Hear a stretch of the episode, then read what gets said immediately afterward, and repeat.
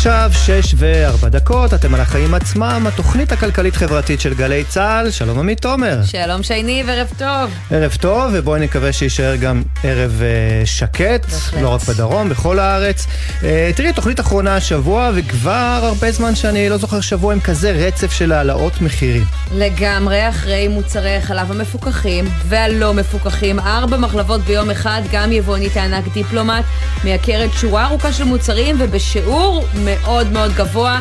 עד 30 אחוזים יש מוצרים שעומדים להתייקר במכה, או זה לפחות מה שהם רוצים. אה, נאמר שהיא זאת שמייבאת בין היתר את מוצרי היי- היינס, פרינגלס, מילקה, אוראו, ולא רק, הרבה מאוד מותגים שאתם אה, מכירים ככה וכנראה יש לכם בבית. הכל טעים בינתיים. כן, נגיע לזה יותר בהרחבה, טעים, יקר, אתה יודע. כן. אבל אני פה להזכיר שישראל היא המדינה באחוז הרווח של דיפלומט הוא השני בגובהו בעולם. כלומר, הם גוזרים עלינו קופון גדול יותר מאשר במקומות אחרים בעולם, וזה מראה שגם הם יכולים אחרת.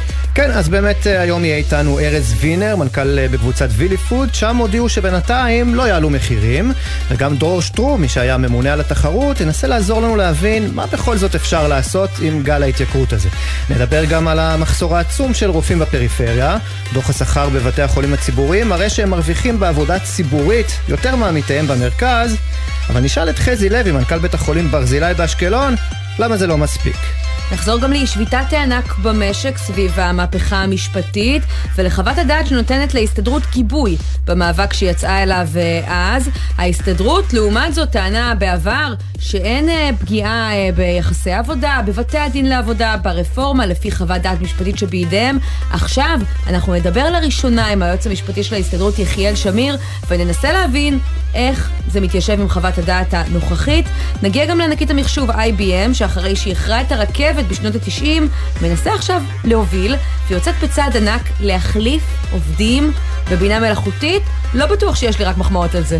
מפחיד אפילו. ממש. טוב, אז זה בסיום, אה, ויש לנו שעה עמוסה. מה הכותרת שלך, עמית? הכותרת שלי התנגדות מעניינת במיוחד לתלושי המזון, אותה הבטחת בחירות של אריה דרעי. מה לא אמרו על המיזם הזה, שבעיקר חרדים, קהל הבוחרים של ש"ס, נהנה ממנו, טענה שלאחרונה קיבלה ממש גיבוי בנתונים של מה שקרה בפעם הקודמת, שלמשרד הפנים אין יכולת אמיתית לזהות מי באמת זקוק לתלושים, ושההסתמכות על הנחות בארנונה יוצרת עיוותים.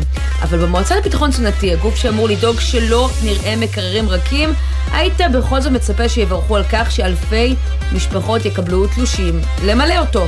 אז זהו שלא. הגוף שכפוף למשרד הרווחה בראשותו של שר נוסף מש"ס, יעקב מרגי, משגר היום מכתב ובו הוא תוקף את התוכנית של אריה דרעי וטוען שהיא תחליש את מערך השירותים החברתיים. הם מתארים שם שהתקציב שיש בידיהם היום רחוק מלהספיק לכל רבע מיליון המשפחות הנזקקות בישראל.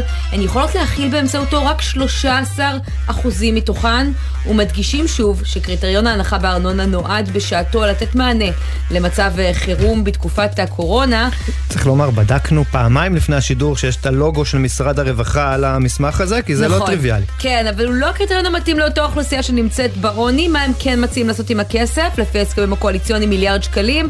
להוסיף חמישה מיליון שקלים לתחליפי חלב אם, להעביר עוד משאבים לעמותות שפועלות בתחום, והכי חשוב שכל הסכומים הנוספים הללו יהיו מעוגנים בבסיס התקציב, ולא רק כהבטחת בחירות נקודתית. אז אפשר לטעון שזה קרב קרדיטים, אולי טענות של גוף שלא רוצה לראות את הסמכויות שלו מופקעות לטובת אחר, אבל אפשר גם לעצור רגע, להקשיב לאנשים שחיים את התחום הזה יום-יום. ואולי אם אריה דרעי באמת רוצה לעזור לנזקקים ולא רק לאלו ששמים ש"ס בקלפי, לחשב רגע מסלול מחדש. לגמרי. כותרת שלך.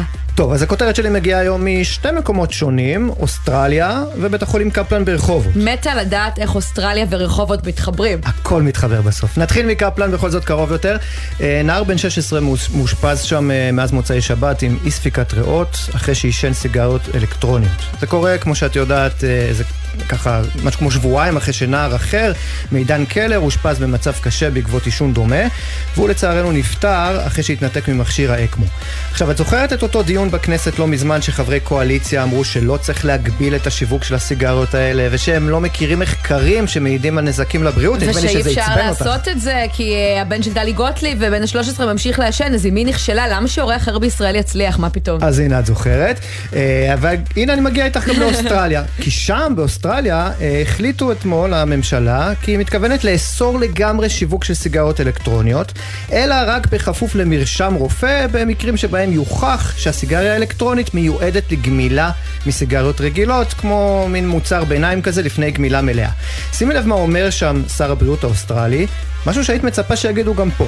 הסיגריות האלקטרוניות הוצגו לממשלות בעולם כמוצר עזר לגמילה מעישון, אבל הפכו בפועל למוצר שמשווק לילדים ונמכר לצד ארטיקים וחטיפי שוקולד. עכשיו, למה אני מתעכב על הדברים שלו? כי ככה בדיוק עובדת התעשייה הזו מול רגולטורים ונבחרי ציבור. וזה מה שעמד מאחורי אותם דברים הזויים של חברי כנסת אצלנו. זה לוביסטים שיושבים שם בכנסת וכל מיני בעלי עניין מאחורי הקלעים. אנשים שעושים כסף על גב הבריאות של הילדים שלנו. כן. והם דואגים לשבש את שיקול הדעת של אותם אנשים שאמורים לדאוג לאינטרסים של הציבור. אז כל הכבוד אוסטרליה, והגיע הזמן שגם פה יתעשתו. אז הנה, עוד מקום שאפשר לחשב בו מסלול מחדש, ובוא נקווה שבקרוב אצלנו, כי באמת אנחנו רואים, כמו שאמרת, ברחובות ולא רק, שזה עולה בחיים, לא פחות. בהחלט. תחיל. יאללה.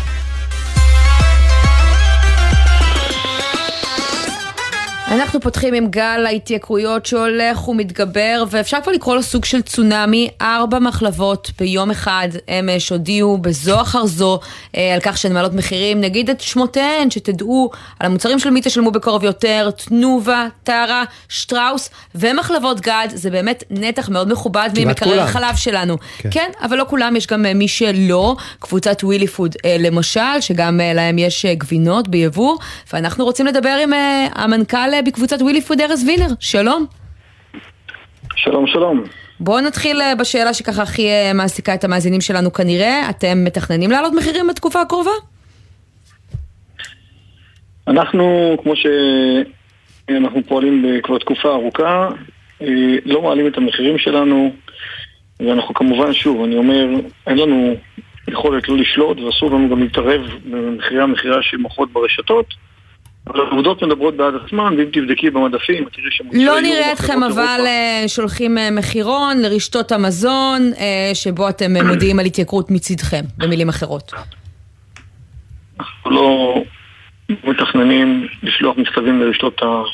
שיווק ורשתות המזון. אנחנו פשוט שומעים אנחנו... שה... שעליות המחירים האלה קורות בכל העולם, אה, התשומות אה, מתייקרות, הגרעינים למשל, אה, שמאכילים בהם את הפרות, מתייקרים גם הם, השקל נחלש, ולכן אתה כיבואן, זה בטח פוגע גם בך. יש לנו את ההצהרות שלנו, שאנחנו מתמודדים איתן אה, בזה שיש לנו שני בעלי בית, אה, צביקה ויוסי ויליגר, שמתעסקים יום יום בלחפש את המוצרים הכי מתאימים, במחירים הכי טובים והכי איכותיים. Mm. אנחנו מביאים את המוצרים לכאן, ואנחנו עובדים שנקרא בשדרת ניהול רזה ויעילה. התוצאה הסופית היא שעוד לפני העלאות המחירים של הרשתות, אנחנו זולים מהם בעשרות אחוזים כבר היום, ואת יכולה לבדוק כל מגוון של גבינות, אה, יוגורטים, בולגריות, שמנות, אה, שתרצי במדפים, ותראי שהמחירים שלנו... בואו רק נגיד למאזינים, בואו נתאר להם אולי רגע איך, איך זה נראה על המדף, המוצרים שלכם בתחום הגבינות לפחות, הם תחת המותג אה, יורו מחלבות אירופה, יורו נכון? מחלבות לא אירופה. טעיתי. כן. איפה אגב הם לא, מיוצרים? לא, לא איפה אתם מייצרים? יורו מחלבות...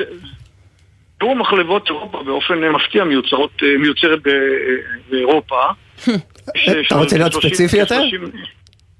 כ-35 אה, מחלבות okay. אוקיי. שונות. הרעיון הוא, הרעיון הוא להביא את המוצרים מארצות המקור שלהם. אז אנחנו מביאים יוגורט יווני מיוון. אוקיי. Okay. מביאים אה, גבינות אה, אה, פטה מטורקיה, מבולגריה, ומביאים גבינות... אה, מנצ'גו איבריקו מספרד, וגבינות פרמיז'ן מאיטליה. פרמיז'ן הכרתי, פרמיז'ן אני מכיר. יפה, שי, אני צריכה להעביר לך איזה שיעור אה, טעימות בגבינות פעם, נעשה את זה לכבוד החג. גם גורגונזולה הכרתי בשידור הקודם, אני מזכיר.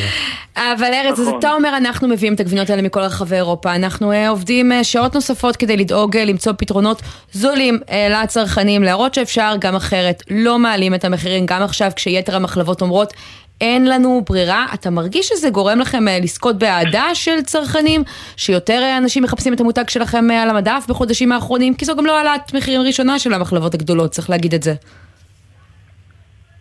נכון, יש... בשנה האחרונה אנחנו מאוד מתאמצים בכוחותינו הדלים יחסית לחשוף את הציבור למוצרים ולרעיון, ויצאנו בקמפיין שנקרא טעם מנצח במחיר מנצח. Mm. אין לנו את התקציבי פרסום הענקיים של המחלבות האחרות, אנחנו משקיעים את הכסף הזה בלהוזיל את הסחורה לצרכן. אנחנו רואים לאט לאט תזוזה בקרב הציבור שמוכן פעם אחר פעם, מה שנקרא, לזוז שנייה מהמותג המוביל ולטעום את המוצרים האחרים. אני רק צריך שהוא יטעם אותי פעם אחת, ואז הטעם והמחיר השאיר אותו כנראה צרכן, והעובדה היא, ומאחר שאנחנו חברה ציבורית שדוחותיה מתפרסמים, כן. שחברת, אה, שהחברה אה, צמחה mm.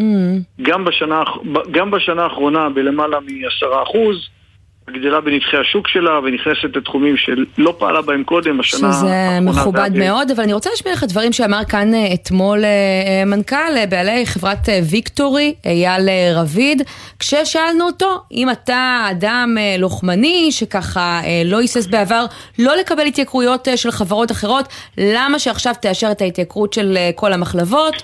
והנה מה שהוא אמר.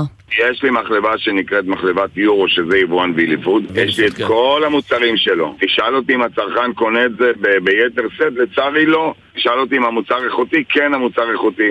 תשאל אותי אם הוא זול מתנובה שטראוס, כן הוא זול מתנובה שטראוס. אז אותי מעניין איך אתה מסביר את זה. לצערי, אם את מסתכלת היום בעגלה ישראלית ממוצעת, את רואה 80% מותגים ו-20% מה שנקרא non-brands. אם את מסתכלת אה, בשוק האירופאי, תלכי בצרפת, באנגליה או אפילו בארצות הברית, תראי שהצרכן יקנה 80% לא מותגים, אלא את המוצר, המותג הפרטי של אותה רשת, או מוצרים שהוא רואה שהם כרגע במבצע, ו-20% זה אותם מותגים שהוא לא יכול בלעדיהם. זה את המלחמה שלנו, זאת אומרת, יש פה, בעולם של יוקר המחיה, יש את הממשק של המדינה, מכסות, מכסים, חסמי יבוא, אה, אה, ייעול שרשרות אה, נמלים וכדומה. יש את העולם שלנו, של החברות שצריכות לדעת לעבוד ולהביא את המוצר יעיל וטוב, ויש את העולם שאותו אני לא יכול להחליף, זה העולם הצרכני, זאת אומרת בסוף הצרכן צריך להצביע ברגליים, אז... אנחנו מכירים את זה מעולמות בכירים. זאת ש... השאלה, ארז, כלומר, אולי אנחנו כולנו אה, פטרוניים מדי, שמנסים לחנך בכוח את הציבור. כי הרי אם מעלים מחירים, והציבור ממשיך לקנות את אותם אה, מותגים אה, שאתה מגדיר ככה חזקים ומוכרים. אני לא מדבר כמובן על חלב אה, טרי, אלא על מגוון מוצרים אה, אה, שיש כן. בהם תחרות בשוק. אה, אז אולי הציבור יודע מה הוא רוצה, והוא גם מוכן לש... לשלם את המחיר הזה. אפרופו ביקוש והיצע. קודם כל, קודם כל אה, אה, לגיטימי, אני לא בא לחנך את הציבור, אני בא לחשוף אותו לאלטרנטיבה שעומדת בפניו. אם יש לו, כמו שאמר אייל יותר טוב ממני, את המוצר של יורו מחלבות אירופה, שהוא איכותי, שהוא טוב ושהוא זול, תטעם. המוצר שלך בסופר של אייל רביד, הוא מונח במקום אה, ראוי, מספיק בולט לצורך העניין? כן, כן, אנחנו עשינו מאמצים רבים בשנתיים האחרונות להיכנס ולהיות בכל הסניפים, בכל המקומות, להגדיל את המגוון, להגדיל את הזמינות, ובסך הכל אני לא יכול להתלונן שאנחנו לא נמצאים ברשתות השונות. מבחינת מיקומים, מבחינת קידומים, mm. בסוף כל רשת פועלת לפי האינטרסים שלה, אנחנו... אז היית אומר... בחברות האחרות שהזכרת. שאותן חברות אחרות שהזכרתי, תנובה, שטראוס, טרה, בעצם אה, מנצלות את ההתמכרות של הצרכן הישראלי למותגים, את התלות הזאת בהם? אני לא רוצה לחלק ציונים למתחרים שלי, אני יכול להגיד שבחלק מהמוצרים, לפחות אותן חברות שמייצרות בארץ, הן נתקלות בכשלים שאנחנו, בקשיים שאנחנו לא נתקלים בהם. זאת אומרת, מה שקורה בישראל עם עלויות עצומות של מחירי החלב, של החשמל, של המים, של כוח העבודה, הוא משמעותי יותר יקר ממה שקורה באירופה. מצד שני, צריך לזכור שכל אותן חברות הן יבואנות בפני עצמן. Mm. גם אם ניקח את המוצרים שגם הן מביאות מחו"ל. זאת אומרת, פרמיז'ן, גם תנובה וגם אה, טרה וגם אה, גד, גם הן מביאות את המוצר הזה מחו"ל, ואני עדיין זול משמעותית מאותו מוצר יפה. שמגיע מאיטליה, וזה כבר עניין, וזה כבר עניין של, של uh, תהליך, של החלטה אסטרטגית של חברה. וכמו שאמרתי, uh, אנחנו חרטנו על דגלנו, טעם מנצח במחיר מנצח. עכשיו אנחנו רק צריכים שהצרכן יקנה את זה. כן, לסיום שאלה ממש לא אה, קצרה, האם אתם שוקלים אה, להיכנס אה, בעתיד, בעתיד הקרוב, לתחום המוצרים המפוקחים גם, אולי, כעוד שחקן? אנחנו התמודדנו לאחרונה, כפי שפורסם, על מחלבות רמת הגולן, לצערי לא הצלחנו לזכות, אבל בהחלט תכננו וחשבנו שנכון לנו להיכנס לעולם של מוצרים קצרי תוקף שלא ניתן כיום, גם מבחינת יכולת וגם מבחינת נכסים להביא אותם מחו"ל. לא הצלחנו, אבל אנחנו, מה שנקרא, ממשיכים לשקול לצערנו. אנחנו חברה שנמצאת בגידול ובהתפתחות מתמדת, אנחנו פה... אז ארז. פה מחסן לוגיסטי חדש לעתיד, ויש לנו עוד... כשיהיו בשורות בתחום, אל תשכח לעדכן אותנו. ארז וינר, מנכ"ל בקבוצת ווילי פוד, תודה רבה שדיברת איתנו. תודה לכם. טוב, אנחנו אומרים שלום ממש בעניין הזה לדרור שטרום, אהלן דרור. היי, שלום, מה שלומכם? לשעבר הממונה על התחרות, אנחנו בסדר, חוץ מזה שהכל uh, מתייקר. Uh, תשמע, גל העלאות המחירים הזה שאנחנו uh, רואים, uh, ככה בענף המזון, זה מה, זה עכשיו תשובה למהלך של uh, סמוטריץ', לאותה הפרה של uh, הסכם uh, מול המחלבות? בצורה אולי כוחנית, כוחנית יש מי שיאמר? לא, אתה יודע, כמו כל משבר, תמיד כשמנתחים את זה מוצאים שאין לו סיבה אחת. יש לו מקבץ של כמה מחוללים שביחד חוברים לתוצאה הזאת. הפן האחד זה כמובן העלייה אה, במחירי החלב, שהיא תוצאה של חוק תכנון משק החלב, שהוא בכלל חוק קרטליסטי שמאפשר העלאות מחירים בלי קשר בכלל לעולם העלויות. ומה שחבר לזה לצערי זה החוסר אונים. של הממשלה, כי אני מזכיר לכם שעוד בתקופת שר האוצר הקודם, שהקים צוות לבחינת הריכוזיות בענף המזון כדי להוריד את המחירים, כן. ראה הציבור שלא קורה מזה דבר. פה היה רעש גדול על סעיפים מהפכניים בחוק ההסדרים, שבלי קרב אפילו הוצאו מחוק ההסדרים. כל מי שמכיר כמוכם מה קורה במסדרונות הכנסת יודע שכשמתכננים רפורמות, הרפורמות, הקרב עליהן נעשה במסדרונות הכנסת ובאולמות ולא לפני, אבל... ופה... אפרופו אה, הוויכוח הזה בין סמוטריץ' לליברמן, לשר האוצר הקודם, צדק ליברמן וגם שר החקלאות אה, דאז אה, פורר, כשבעצם חתמו על מנגנון שמאפשר עליית מחיר אוטומטית וויתרו בעצם לא, על היכולת לא שלהם לאשר לא עליית מחירים? הם לא טעו, הם לא צדקו, הם לא צדקו בגלל סיבה אחת, שבגללה לא הם צדקו ולא עוד ארבעה שרי אוצר קודמים להם צדקו. Mm-hmm. אף אחד לא הולך וקורא את חוק תכנון משק החלב, שזה אגב חוק שהוא עבר ארבעה חודשים לפני פרוץ המחאה החברתית ב-2011. אף אחד חוץ ממך, דרור, בשביל זה הזמנו אותך. כן, הלבלר המדינתי שהולך וקורא ורואה שבכלל העבירו חוק שמשמעותו קרטל בתחום החלב. אם לא היה את החוק הזה, האנשים האלה היו עברייני כלא, לא סתם עבריינים. קרטל זאת עבירה שבגינה נכנסים לכלא. Okay. אוקיי. וכאשר באים וקובעים בחוק שמצמצמים את כל כמויות החלב, ומי שקובע את היקף ייצור החלב במדינת ישראל זה שר, שר החקלאות. Okay. כן. ואוי ואבוי למי שחורג מהמכסה, ואי אפשר להתחרות על עודפים. ואי אפשר להוריד מחירים, כתוב בחוק במפורש. לא ימכור יצרן חלב במחיר נמוך מהמחיר שקבע... אז מה אנחנו מצפים? אל הברית המועצות ומזרח גרמניה בכלכלה שלנו. ולכן כולם טועים כי בסך הכל, אה, כשמגלגלים את זה לפתחה של רשות התחרות, עושים צחוק מהעבודה. הבעיה נמצאת בכנסת. קחו את חוק תכנון משק החלב, בטלו את הקרטל ותקבלו משק תחרותי. במילים אחרות, מה שאתה אומר לי כאן זה שכשניר ברקת, שר הכלכלה, מבקש מהממונה הנוכחית על התחרות, מיכל כהן, אה, לבדוק אפשרות לפתוח אה, בבדיקה אה, נגד אותן חברות חלב, מחלבות, על תיאום מחירים. אין פה קייס, היא לא תעשה את זה להערכתך? להערכתי היא לא תעשה את זה. טוב ששר הכלכלה מודאג ממה שקורה בתחום מחירי החלב, אבל נדמה לי שבחינה קצת יותר לעומק הייתה מגלה שלא תוקפים פה את הבעיה, אלא אחד הסימפטומים השוליים. כי ברור שאם מדינת ישראל מעלה לפני יומיים את מחירי החלב בעשרה אחוזים, אז ברור שיקחו 48 שעות, וכל מחלבה שרוצה לשאוף למקסם את הרווח שלה, תעלה את המחירים בעשרה אחוזים האלה גם במוצרים הלא מפוקחים. זה לא אירוע נדיר במקומותינו, שחברה רוצה להרוויח. אפילו, אה, כלומר, אפילו מתבקש אה, מצידם. ממש מתבקש. זאת אומרת, זה הצעד הכי מתבקש שישנו, ואני מקווה שאני לא כותב לאף אחד את נאום ההגנה שלו עכשיו. בבקשה, לפחות תקבל על זה קצת תשלום, בכל זאת. אה, כן, התשלום לא מה שמטריד אותי, מה שמטריד אותי זה... אז יפה שהיא דואגת לך. נכון, זה גם יפה, אבל שבמשך שנים אנחנו מסרבים להסתכל לבעיה האמיתית בעיניים, ומסרבים לתקוף אותה. ואף אחד מחברי הכנסת שמרימים את קולם בוועדת הכלכלה ובוועדת הכספים, לא אומר למה לא ניקח את החוק המזופת הזה ונתאים אותו למאה ה-21.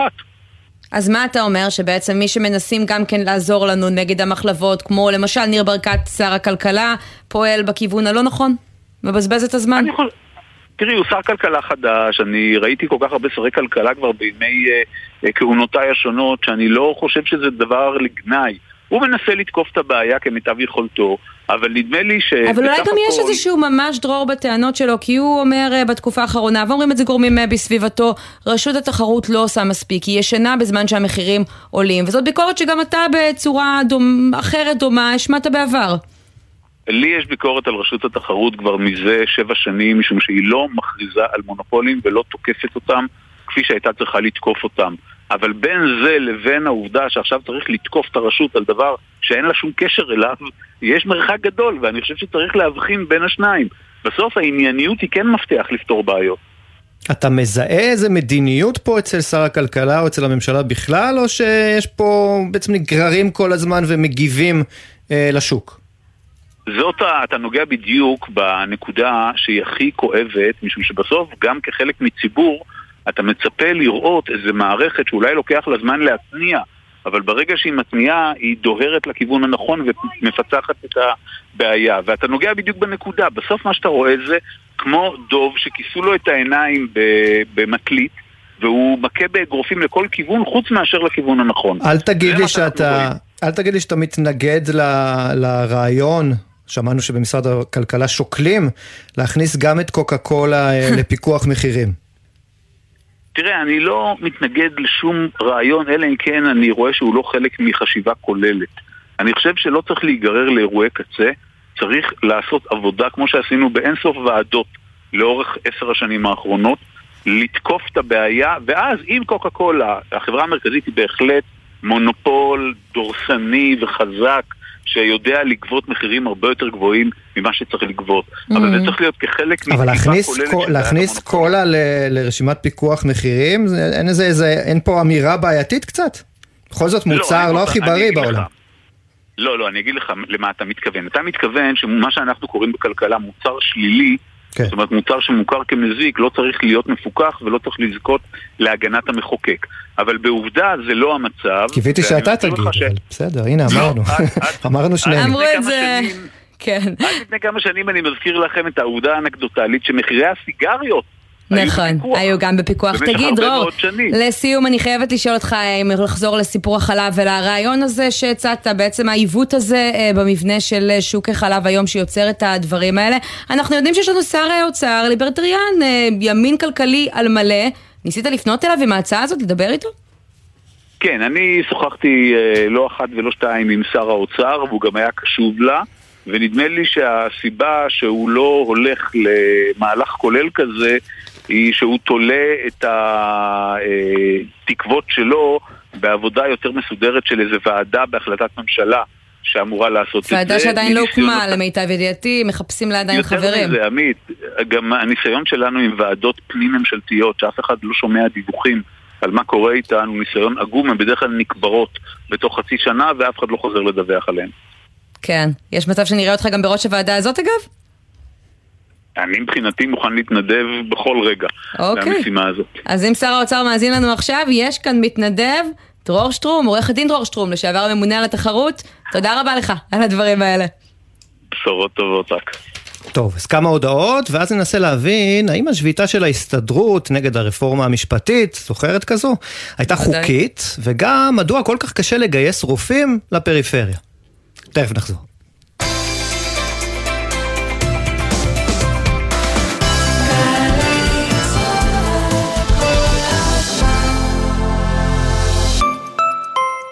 אתם עומדים לשמוע הרבה... יש! וגם... אני לא מאמינה! ולא מעט... זכינו! אלפי זכאים יזכו השנה להגשים חלום ולזכות בדירה בהנחה בהגרלות של משרד הבינוי והשיכון ורשות מקרקעי ישראל. אז בהנחה שאין לכם דירה, ובהנחה שאתם זוג נשוי או רווקים בני 35 ומעלה, יש לכם סיכוי לזכות בדירה בהנחה. חפשו ברשת דירה בהנחה, כפוף לתקנון. ביום הזה תוכלו ללמוד על כל מה שאפשר ללמוד אצלנו בסמינר הקיבוצים. יום פתוח בסמינר הקיבוצים, יום ג' 16 במאי בשעה 4. לפרטים כוכבית 8085, סמינר הקיבוצים, מכללה מובילה לחינוך ואומנות. כמה זה יחס אישי, כפול מרצים מעולים, לחלק לכיתות קטנות, התשובה 90% השמה בשנה שעברה. עזריאלי, חממה למהנדסי העתיד ולמהנדסות העתיד, מזמינה אתכם ליום הפתוח, יום שישי, חמישה במאי, כוכבי 9087.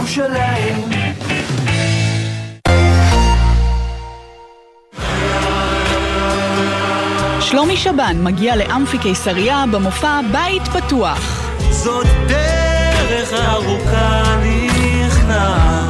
אורחים מיוחדים, ברי סחרוף ויוני רכטר. בהשתתפות נטע אלקיים עם תזמורת צולני תל אביב. מוצאי שבת בתשע, בשידור חי בגלי צה"ל.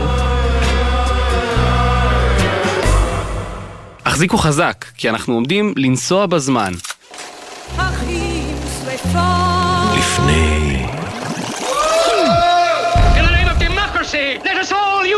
במהלך. ו... אחרי.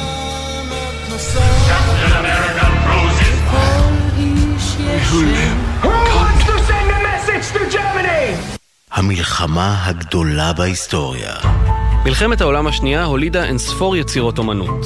בהסכת החדש של גל"צ, מנוונים חסרי כבוד, אנחנו עומדים לחקור אותן מקרוב במסע מרתק בזמן. מנוונים חסרי כבוד. בכל זמן שתרצו, באתר וביישומון גלי צה"ל, ובכל מקום שאתם מאזינים להסכתים שלכם. עכשיו בגלי צה"ל, עמית תומר ושייני עם החיים עצמם. טוב, אז הזכרנו אה, לפני התשדירים את הרפורמה המשפטית שמובילה הממשלה, ועכשיו 60 אה, משפטנים, שימי לב, אה, כולל אנשי אקדמיה וגם אה, אה, שופטים אה, בדימוס אה, אה, בבתי הדין האזוריים לעבודה, אה, קובעים בחוות דעת אה, ראשונה שהם מפרסמים, שהרפורמה הזו יש בה חשש מהותי לפגיעה בזכויות של העובדים, וגם אה, של ההסתדרות, יש בעצם אה, עילה.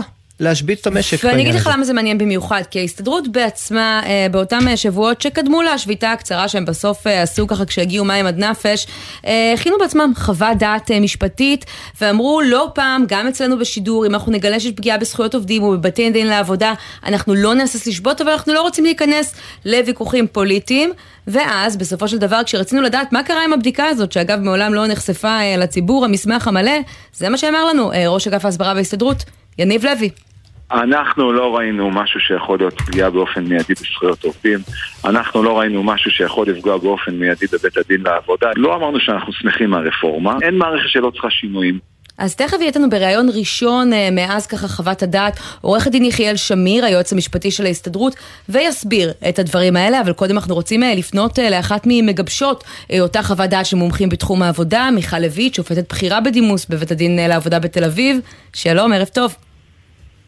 שלום, ערב טוב עמית. ושי. כן. ת- תספרי לנו ככה, אתם אה, התחלתם אה, לפחוד את הרפורמה מזווית שלא כל כך דוברה, שזה הזווית של אה, זכויות עובדים, אולי הכי החיים עצמם שיש. מה גיליתם, ממה נכון. אתם מוטרדים? נכון. אז אה, קודם כל, הרפורמה וההתגלגלות של הדברים וחוקים נוספים שבעצם הונחו, הצעות חוק נוספות שהונחו אה, לבד מ- בעצם הצעות החוק שמובילות בעצם את הרפורמה, אה, מעלות אה, אה, חששות רבים, אה, לא רק בהקשר של החלשת אה, בית המשפט העליון בשבתו כבג"ץ, שהוא למעשה הערכאה שמעל בית הדין הארצי אה, לעבודה. אה, ובתי הדין האזוריים לעבודה, אבל היו גם, אה, מעבר להיבטים הנוספים, גם אה, הצעות חוק קונקרטיות שלמשל דיברו על הגבלת זכות השביתה, הגבלת כוחם של ארגוני העובדים, אגב, אה, גם הגבלה של אה, אה, כוחם של ארגוני המעסיקים. כן, את מתכוונת, אני מניח, האלה, להצעה כן. שהוביל והגיש על שולחן הכנסת אה, יושב ראש ועדת חוק חוקה הוא אה, משפט שמחה רוטמן. אה, אז נכון, בהחלט יש הצעה נכון. כזו, למרות שהיא לא כלולה, לפחות לא רשמית, בתוך חבילת החקיקה המשפטית. נכון, אבל היא בכל זאת הונחה, אה, יחד עם הצעות חוק אחרות שנוגעות לרפורמה המשפטית. אה, וגם, אה, בוא נאמר כך, גם מעבר לפגיעה החזיתית הזו, אה, כל מה שקשור להחלשת כוחם של בתי הדין לעבודה, של בתי המשפט בכלל, בתי הדין לעבודה בפרט, פוגע בעצם במערכת הנורמות ויחסי הכוחות במישור של משפט העבודה הקיבוצי, משפט העבודה האישי, כי חשוב לזכור שבעצם את כל הזכויות הבסיסיות ואת כל הפיתוח של משפט העבודה אה, זה נעשה בעצם לא אה, כן בחקיקה, אבל הרבה מאוד בעצם בפיתוח של הפסיקה. אבל תראי, אני יודע שמשפט העבודה כן. הישראלי לא ממהר לקבל שביתות ולאשר שביתות כנגד מה שנקרא הריבון. כלומר, הממשלה, נכון. כשהיא... ככה תחת אה, סמכותה אה, אה, לבצע ולהוביל החלטות ולחוקק חוקים, העובדים למעשה לא יכולים לשבות אלא אם כן הוכח שיש נגיעה מאוד ישירה ככה לזכויות העובדים. נכון, אני מסתכל נכון, למשל אפילו על הפסיקה של מי שהיה בהמשך נשיא בית הדין הארצי לעבודה, יגאל פליטמן, בעניין הנמלים ב-2013. גם אז היה לעובדים, לעובדים של הנמלים הקיימים, חשש מפני אותם שני נמלים חדשים שרוצים להקים. ו- נכון. ובית הדין הארצי מנע מהם במשך שנים, צריך לומר, אה, להשבית את הנמלים הקיימים. נכון. אה, אתה אה, בהחלט מדבר על החלוקה הקלאסית בעצם של משפט העבודה לגבי שביתות. השביתה הכלכלית הרגילה, כן, שהיא בעצם נוגעת לתנאי עבודה באופן ישיר. השביתה בעצם המעורבת, המעין פוליטית, שהיא כן. מדברת גם על אה, בעצם אה, אה, אקט של מחאה כנגד צעדים צפויים של הריבון שעשויים להשפיע על תנאי העבודה ובעצם השביתה הפוליטית הקלאסית שנוגעת בעצם ישירות ל... מהלכים אז תסבירי לנו למה, ב... אז זהו, אז למה בעניין הזה של הרפורמה כן יש עילה אה, לשפוט? אה, קודם כל, יש פה אה, בעצם גם מאז פסק הדין המפורסם שאתה מדבר עליו, יש בעצם גם התפתחות במשפט העבודה, ומשפט העבודה בעצם היום אה, מכיר גם אה, בשביתות בעצם שיש להם אה, בסיס מעין פוליטי, אבל השלכה על אה, תנאי עבודה אה, של אה, עובדים וגם על ארגוני העובדים. אה, וכן אה, כבר אה, שביתות בעצם כלליות. אה, שנוגע, שנוגעות למשל לנושא של הפנסיות, לנושא של עובדי הקבלן. כן, זאת אה, אומרת בעצם הייתה איזושהי התפתחות כן, מאז? לאחרונה, נכון, יש התפתחות וגם אה, הפנדמיה, הקורונה שכולנו חווינו ועברנו, גם היא השפיעה כן. בעצם על על אה, פסיקות של בית הדין לעבודה, ולמשל אה, הייתה גם, התקיימו גם שביתות כלליות, ועם זאת, מיכל, חשוב לי שנספיק להגיע כן. לזה לסיום. בעצם כן. ככה, עם כל הדברים שאנחנו אומרות כאן, שיש לדעתכם ביסוס לשבות על הרפורמה המשפטית, ולא רק מטעמים פוליטיים, אלא ממש כי זה נוגע בזכויות עובדים, הדרך שההסתדרות בחרה לעשות את זה, בלי להכריז קודם על סכסוך עבודה, היא לא דרך שהייתה עוברת את מבחן בית הדין לעבודה. מה דעתך?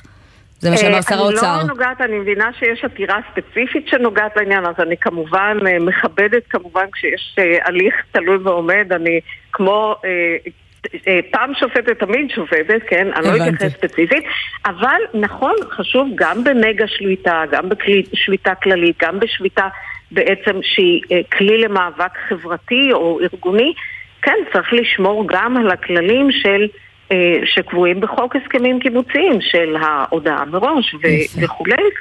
אה, אבל אנחנו התייחסנו בעצם, חוות הדעת היא מתייחסת בעצם מעבר לא, לאותה שביתה קונקרטית שהייתה ככה כפועל יוצא מההתפתחויות שהיו כן. אה, באותם מיכל, בואי ימים. נקווה שלא נצטרך להשתמש בחוות הדעת הזאת באיומי שביתה הבאים, אבל אנחנו נראה איך המציאות פה תתפתח. תודה רבה לך ש... על השיחה הזאת. בבקשה, תודה רבה לכם. ואיתנו עכשיו על הקו עורך הדין יחיאל שמיר, היועץ המשפטי של ההסתדרות, שומע את הדברים, שלום. שלום, שלום. אז אתה בעצם האיש שהכין את אה, חוות הדעת המשפטית של ההסתדרות אה, בשאלה האם יש או אין עילה לשביתה אה, במישור של זכויות עובדים. אמר לנו כאן ראש אגף ההסברה בהסתדרות שגילית שלא. אתה רוצה לספר לנו למה? שמה גיליתי? שלא? שאין, לי- שאין מה? שאין פגיעה בזכויות אתה עובדים. יודע מה? בוא נשמע עוד פעם את הדברים. זה לא הדברים, זה אות הפתיחה שלנו, אם נוכל לשמוע בבקשה את יניב לוי. אנחנו לא ראינו משהו שיכול להיות פגיעה באופן מיידי בזכויות עובדים. אנחנו לא ראינו משהו שיכול לפגוע באופן מיידי בבית הדין לעבודה. לא אמרנו שאנחנו שמחים מהרפורמה. אין מערכת שלא צריכה שינויים. אלו תוצאות הבדיקה שלך? מתי הוא אמר את הדברים האלה? ממש אה, לאחרונה, אצלנו אה, בשידור. לפני כחודש. אה, והשאלה הייתה, מה העלתה הבדיקה של היועץ המשפטי? אני מבינה אבל מ... באיזה תאריך? אנחנו מדברים על נקודות זמן שונות. אני לא כאן בשביל להתראיין על מה שאמר הדובר. אני... מיד הצוות יוציא לנו כאן את התאריך אם תרצה, אבל בבקשה, כן. אני יכול, מה שאני יכול להגיד, וזאת המטרה שלשמה ביקשו שאני אעלה, ואני חוזר על מה שאמרה השופטת לויט, שהעמדה שלנו הייתה שהשביתה שעשתה ההסתדרות ב-27 במרץ, זה התאריך הרלוונטי מבחינתי, היא שביתה חוקית לחלוטין, היא שביתה כלכלית. בינתיים, אגב, אומרים לי אסביר. באוזנייה שאותו ראיון הוא מה-19 במרץ, שבוע לפני כן, אז מה השתנה במהלך אותו שבוע? השתנו הרבה דברים מאוד, השת... הרבה דברים השתנו, אני לא, עוד פעם, אני לא רוצה להתייחס לדברים שמישהו אחר אמר, אני יכול להתייחס לדברים שלי. אה, אני סבור שהשביתה שההסתדרות עשתה ב-27 במרץ היא שביתה חוקית, ולא רק אני אומר, והחוות דעת שהגיעה עכשיו, אנחנו לא חיכינו לחוות לא, דעת. לא, רגע, הזאת החוות דעת הזאת אומרת. שהשביתה, ושמענו את מיכל לויט עכשיו בסיום, שזאת לא הדרך לעשות שביתה, שכן יש עילה אולי לשבות על פגיעה בזכויות עובדים. כי לא לא כי הכריזו על סכסוך עבודה, לא עברו את תקופת אז אני הצינון. לא צריך את מיכל לוי, ואני גם לא הקשבתי, לא, לצערי לא העלו אותי לשידור, לא, לא שמעתי את מה שהיא אמרה. אני יכול, חושב שעמדת המדינה שהשביתה היא חוקית, כי אחרת הם היו נוקטים בריטואל הקבוע שלהם, של בקשות לצווי מניעה, ו- ואנחנו מכירים את הדברים האלה בצורה שבלונית, וזה הריטואל הקבוע. במקרה הזה המדינה לא הגישה בקשה לצו מניעה, שזה מעיד לפחות בהתנהגות שגם הם חשבו אה, שהשביתה... אבל בוא נחזור רגע צעד אחורה. אולי תספר לנו אז איפה מצאת באמת חשש, איפה אתה חושש עם הרפורמה המשפטית תעבור במתכונת שעליה שבתתם, נראה פגיעה בזכויות עובדים, במעמד בתי הדין לעבודה. בוודאי שיש פגיעה בזכויות עובדים. כאשר נגיד בנק ישראל אומר שיש פגיעה קשה בכלכלה, או חשש לפגיעה קשה. כאשר אגף תקציבים בממשלה אומר שיש חשש לפגיעה. כאשר הכלכלנית הראשית אומרת את זה. ראשי המשק, יושב ראש ההסתדרות ישב עם ראשי המשק, ראשי המעסיקים, אה, כולם התריעו על הפגיעה הקשה בכלכלה. אה, בנסיבות כאלה לא יכול להיות שלא תהיה פגיעה גם בעובדים, ולכן השביתה בוצעה. איך אבל? השביתה התייחסה יותר לאופן שבו קודמה אבל כשאתה אומר פגיעה. בזכויות עובדים, אני מנסה להבין איך. כאשר הכלכלה נחרבת, יפוטרו עובדים או שיפגעו אה, תנאי העסקתם, גם מעסיקים ייפגעו, לכן גם המעסיקים תמכו בשביתה אבל הזאת. תשמע, כל מה שאתה אומר עכשיו מאוד שונה ממה שאמר. בעצמו יושב ראש ההסתדרות. תראה, למשל ב-21 בפברואר, הוא אמר את זה באיזשהו כנס מאוד גדול, והדברים שאני מקריא לך עכשיו הופיעו גם באתר ההסתדרות. אשבית את המשק רק על תנאי שכר ותנאי עובדים. זה המנדט שלי. כלומר, לשיטתו לא היה לו מנדט בכלל להשבית בעניין הרפורמה המשפטית. והחידוש, אתה יודע אה, מה, הדבר היחיד שקרה בהמשך זה שפיטרו את שר הביטחון. אז האם פיטורים של שר ביטחון זו. עילה... האם פיטורים של לא- שר לא ביטחון זו נכון, עילה לפתוח בשביתה? הפיטורים של שר הביטחון זה לא העילה, אלא היה, היינו בפני משבר לאומי. המונים יצאו לרחובות, אני לא צריך להזכיר לכם... לא, המונים יצאו לרחובות בגלל פיטורי שר הביטחון, ובאותו ערב ההסתדרות הודיעה על שביתה. ממש באותו ערב. ואגב, היא לא, הודיעה אני בעצמה שזו אז הסיבה, אז... אני ארענן את זיכרונכם. אוקיי. שר הביטחון דיבר על סכנה מוחשית, מיידית וקונקרטית אה, בביטחון המדינה. ועדיין לא הודעתם על שביתה אחרי שהוא אמר את זה. הודענו ברגע שהבנו שיש כוונה לקדם באופן מיידי, תוך 12 שעות, את הליכי החקיקה ללא הידברות ולא בהסכמה, כאשר כל הזמן ההסתדרות אמרה את הרפורמה הזאת, אנחנו לא נכנסים לשאלה הפוליטית כן טוב, לא טוב, זה צריך להיות בהסכמה ולא באופן חד צדדי. מלכתחילה יושב ראש ההסתדרות אמר את זה, הוא תמך במתווה הנשיא, הוא נועד עם הנשיא, כן. אה, לאחר הפגישה שלו עם הנשיא הוא אמר אנחנו לא נשב בשקט, זה היה אה, הרבה קודם, אנחנו, אה, זה, זה לא, זה צריך נכון, לעבור. עם, ועם זאת הוא המשיך לשבת בשקט, אבל אתה יודע מה, בוא נשים, בוא נשים בצד את ההיסטוריה רגע. הנה אנחנו פה עכשיו, אתה מסכים, יש עילה אה, אה, לשביתה. למה שלא תכריזו עכשיו על סכסוך עבודה כדי שאם וכאשר, ובואו נקווה שלא, תחליטו להשבית את המשק, אז הפעם זה ייעשה בצורה אה, חוקית, לגיטימית יותר. א', אני רוצה להבהיר עוד פעם בצורה חד משמעית, גם מה שהיה היה חוקי ולגיטימי לחלוטין. זה בדיוק המקרה שההסתדרות לא יכלה לשבת מנגד. אוקיי, אז האם הפעם תכריזו על, על, על, על סכסוך עבודה כדי שזה ייעשה, בואו נקרא לזה יותר על דרך המלך, אוקיי? אני לא יודע אה, מה יקרה. כרגע יש השעיה של הליך החקיקה. זה אה, אחת המטרה למעשה של השביתה הושגה, יש רגיעה. אני לא יודע איך הדברים יתקדמו. ההסתדרות זה גוף אחראי, היא לא מכריזה כל שני וחמישי על סכסוך עבודה, בטח לא שביתה כללית. אה, אבל היא תמשיך לנהוג באחריות, יש לה מטרה, ואני בטוח שהמטרות האלה יושגו. לס... שמירה על העובדים. לסיום אני רוצה אה, לשאול אותך, קודם כל, אה, ככה רק אה, לדייק, אני יושבת מול ההודעה לעיתונות שיצאה בערב ההודעה על השביתה, וזה הנוסח יושב ראש ההסתדרות ארנון בר דוד שנפגש הערב עם ראשי המשק, קיבל בתדהמה את הודעת ראש הממשלה נתניהו על פיטוריו של שר הביטחון, ומחר הוא ייתן הצהרה מיוחדת, ככה שנראה לי שהדברים ברורים. היה גם באמת ככה, אתה יודע, דיבורים, בין היתר גם של ראשי ועדים מסוימים בהסתדרות כמו פנחס עידן, על כך שהשביתה הזאת הייתה מתואמת מראש. עם ראש הממשלה. אה, מה אתה אומר על הטענות האלה?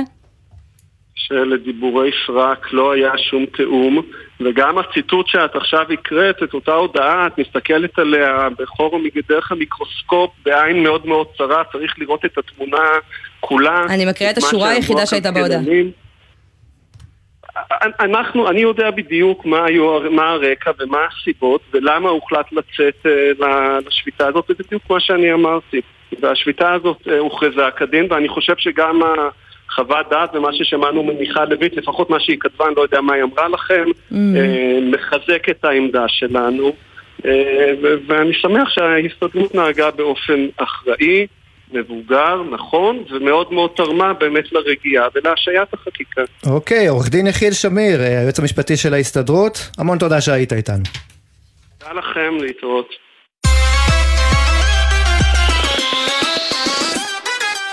עכשיו אנחנו לדוח הממונה על השכר שפורסם הבוקר על בתי החולים הציבוריים, והנתון מעניין במיוחד שהסתתר שם.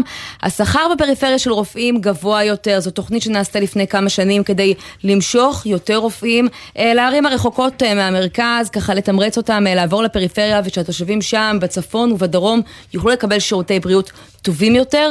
אבל מתברר שזה כנראה לא הספיק, כי עדיין קשה מאוד לגייס שם רופאים. ישראל פישר, כתבי כלכלה, איתנו עכשיו בעניין הזה, שלום. שלום לשניכם, אני צריך להגיד לגבי הדוח הזה של הממונה על השכר במשרד האוצר, שבמקרה הטוב מדובר בדוח רשלני, זה המקרה הטוב.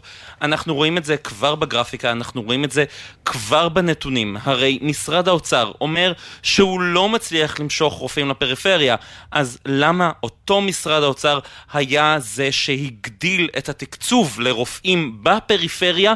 כי המענה לרופאים שרצו לעבור בפריפריה היה גבוה מהמצופה. זה באמת דוח שחושף uh, כל מיני מספרים, uh, סליחה שאני אומר את זה, שמי שחיבר את הדוח הזה לא באמת מבין במערכת הרפואה הציבורית. כן, אחד הנתונים למשל שקור... שפורסמו, uh, ישראל, זה שהשכר של רופא uh, uh, בכיר, השכר הממוצע, גבוה פי חמישה וחצי uh, משכרו של uh, רופא צעיר, uh, מתמחה. כשאנחנו יודעים שבפועל הנתון הזה מתייחס אולי לעשירון העליון של הרופאים הבכירים ולא לשכר הממוצע שלהם. זה בדיוק העניין, שי ועמית, אתם יודעים, יש שלושה סוגים של, של שקרים. שקר בוטה, שקר לבן וסטטיסטיקה.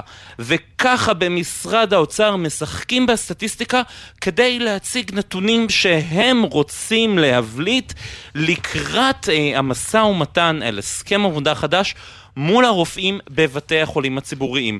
דוגמאות נוספות שאני יכול לתת לכם הם של אה, רופאי טיפול נמרץ, שעל הנייר נראה שהם הרופאים הכי עשירים בישראל.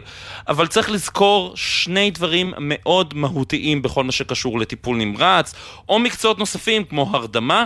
אה, רופאים האלה לא יכולים לעבוד בפרקטיקה פרטית. עכשיו, כשאני אומר פרקטיקה פרטית, זה לא רק לקבל לקוחות באופן פרטי, אלא גם לעבוד בקופות החולים, כסף ציבורי שהם מקבלים.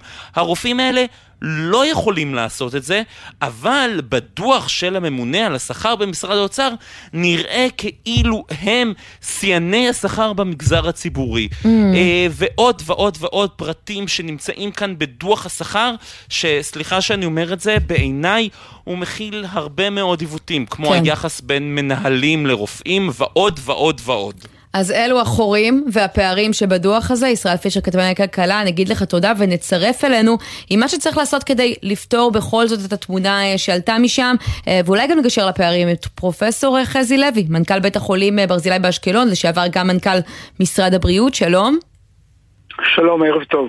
אתה קורא את הדוח הזה, רואה את הנתונים, אתה גם חושב שיש שם אה, פערים בין המצב בשטח אה, למספרים? אני חושב, ש- אני, חושב, אני חושב שיש פערים בהצגת העניין.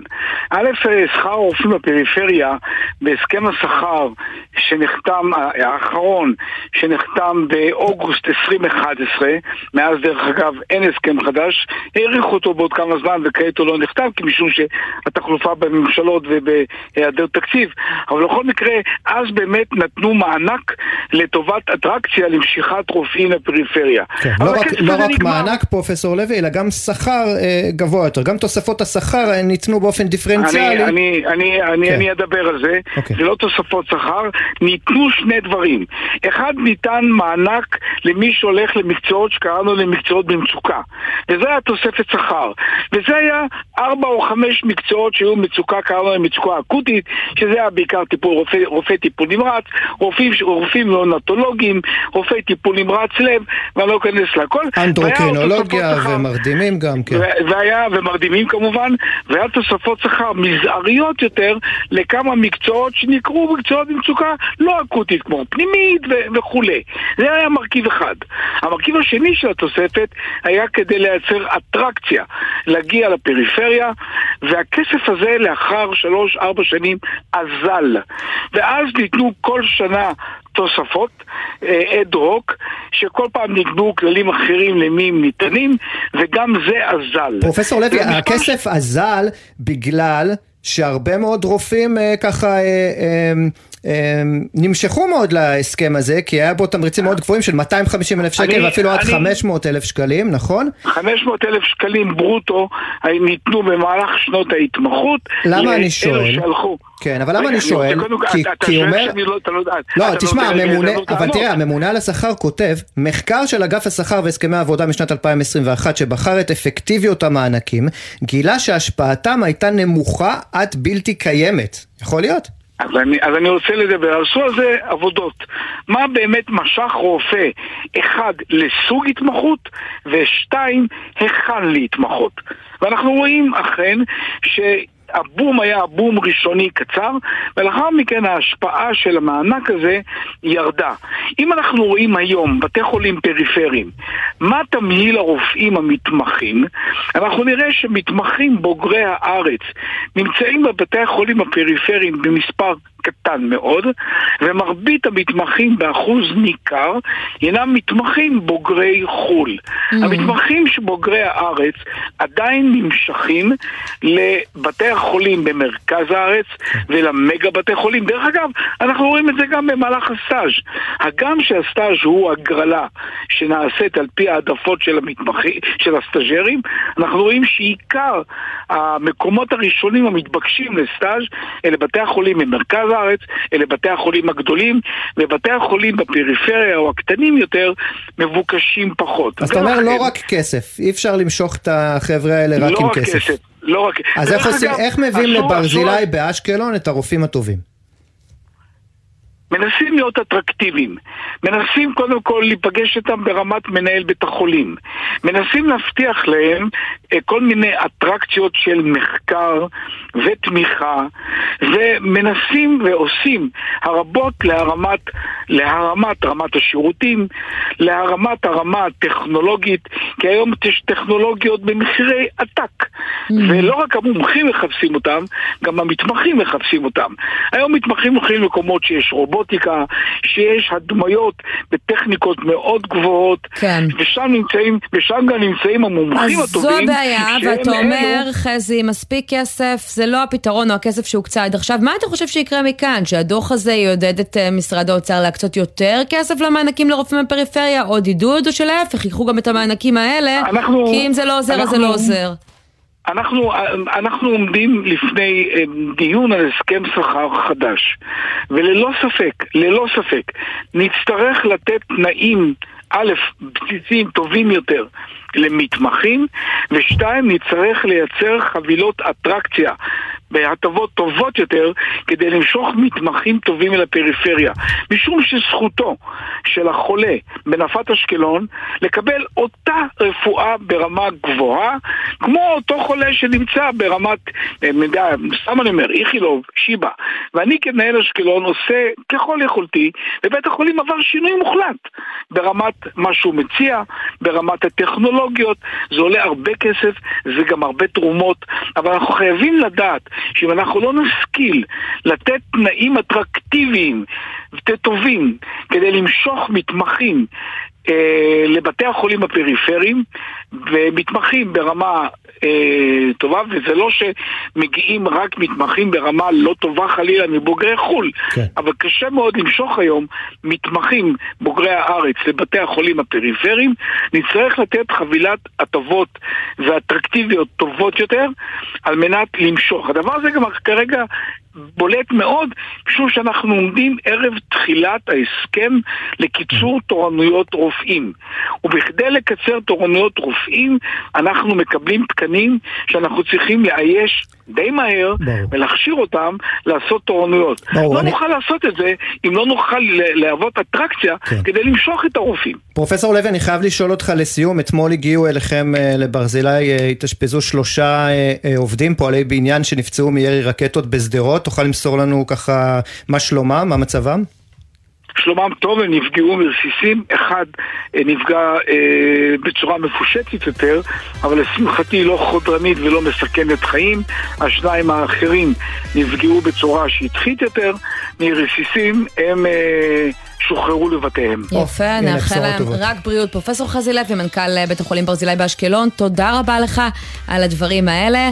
אנחנו סיימנו, נגיד תודה לעורך שלנו, בן נצר, למפיקים ברק בטש ולירון מטלון, המפיק הוותיק בצוות שלנו, שאיתנו בפעם האחרונה, מה נגיד? נגיד אה, הרבה בהצלחה לירון, והיית אחלה. בהצלחה, ונהנינו איתך מאוד מאוד. נגיד גם תודה לאלה מוטולה שהייתה על הביצוע הטכני, עורך הדיגיטל ומתן קסלמן, ותכף יהיה פה עידן קבלר עם 360 ביום. תודה עמית תומר. תודה רבה שי ניב, אנחנו נהיה פה גם ביום ראשון? אני אהיה במרוקו. וואלה, נכון, אז ישראל פישר ימלא את מקומך. בהחלט. תבואו גם, ביי ביי.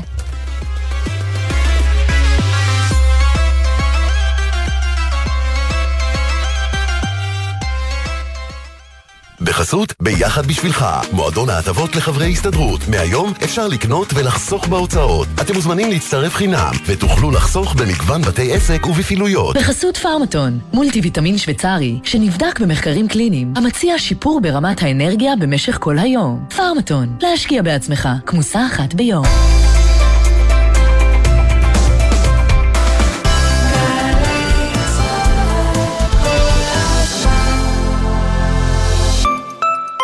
משוחררים מהמערך הלוחם, אל תחמיצו הזדמנות למלגה. אתם תרמתם לביטחון המדינה, ואנו בארגון ידידי צה"ל בארצות הברית, ה-FIDF, מצדיעים, אומרים תודה ומעניקים לכם את מלגת אימפקט. 5,000 דולר בכל שנה לרכישת השכלה גבוהה. הזדרזו וייכנסו לאתר, כי בסוף החודש נסגרת ההרשמה, ושיהיה לכם בהצלחה. רופין, אתם רוצים להגיע גבוה?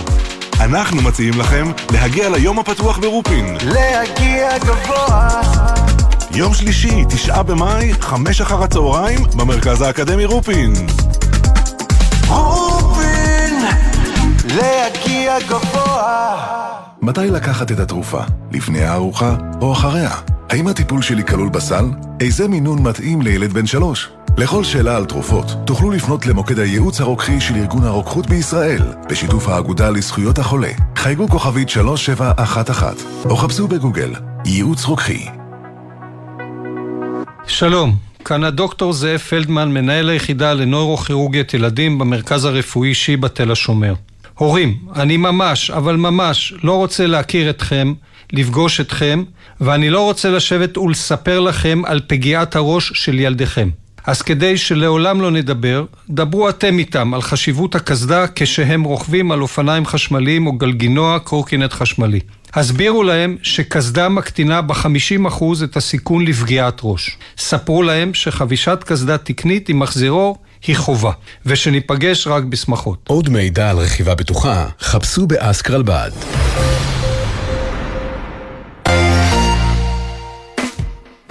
שלום, כאן יואב גינאי. המוסיקה ברדיו גרמה לי להבין מגמות בחברה שלנו. הסרט האחרון שראיתי בקולנוע לימד אותי על הכלכלה שלנו. והצגת התיאטרון האחרונה שעלתה לחצה לי על הנקודות הכי בוערות במדינה. כי זוהי תרבות, המראה הכי חדה לחיים שלנו. ולכן, בכל שישי בבוקר אני שואל, מה יהיה בתרבות? מה יהיה עם יואב גינאי? שישי, תשע בבוקר, גלי צה"ל. מיד אחרי החדשות, עידן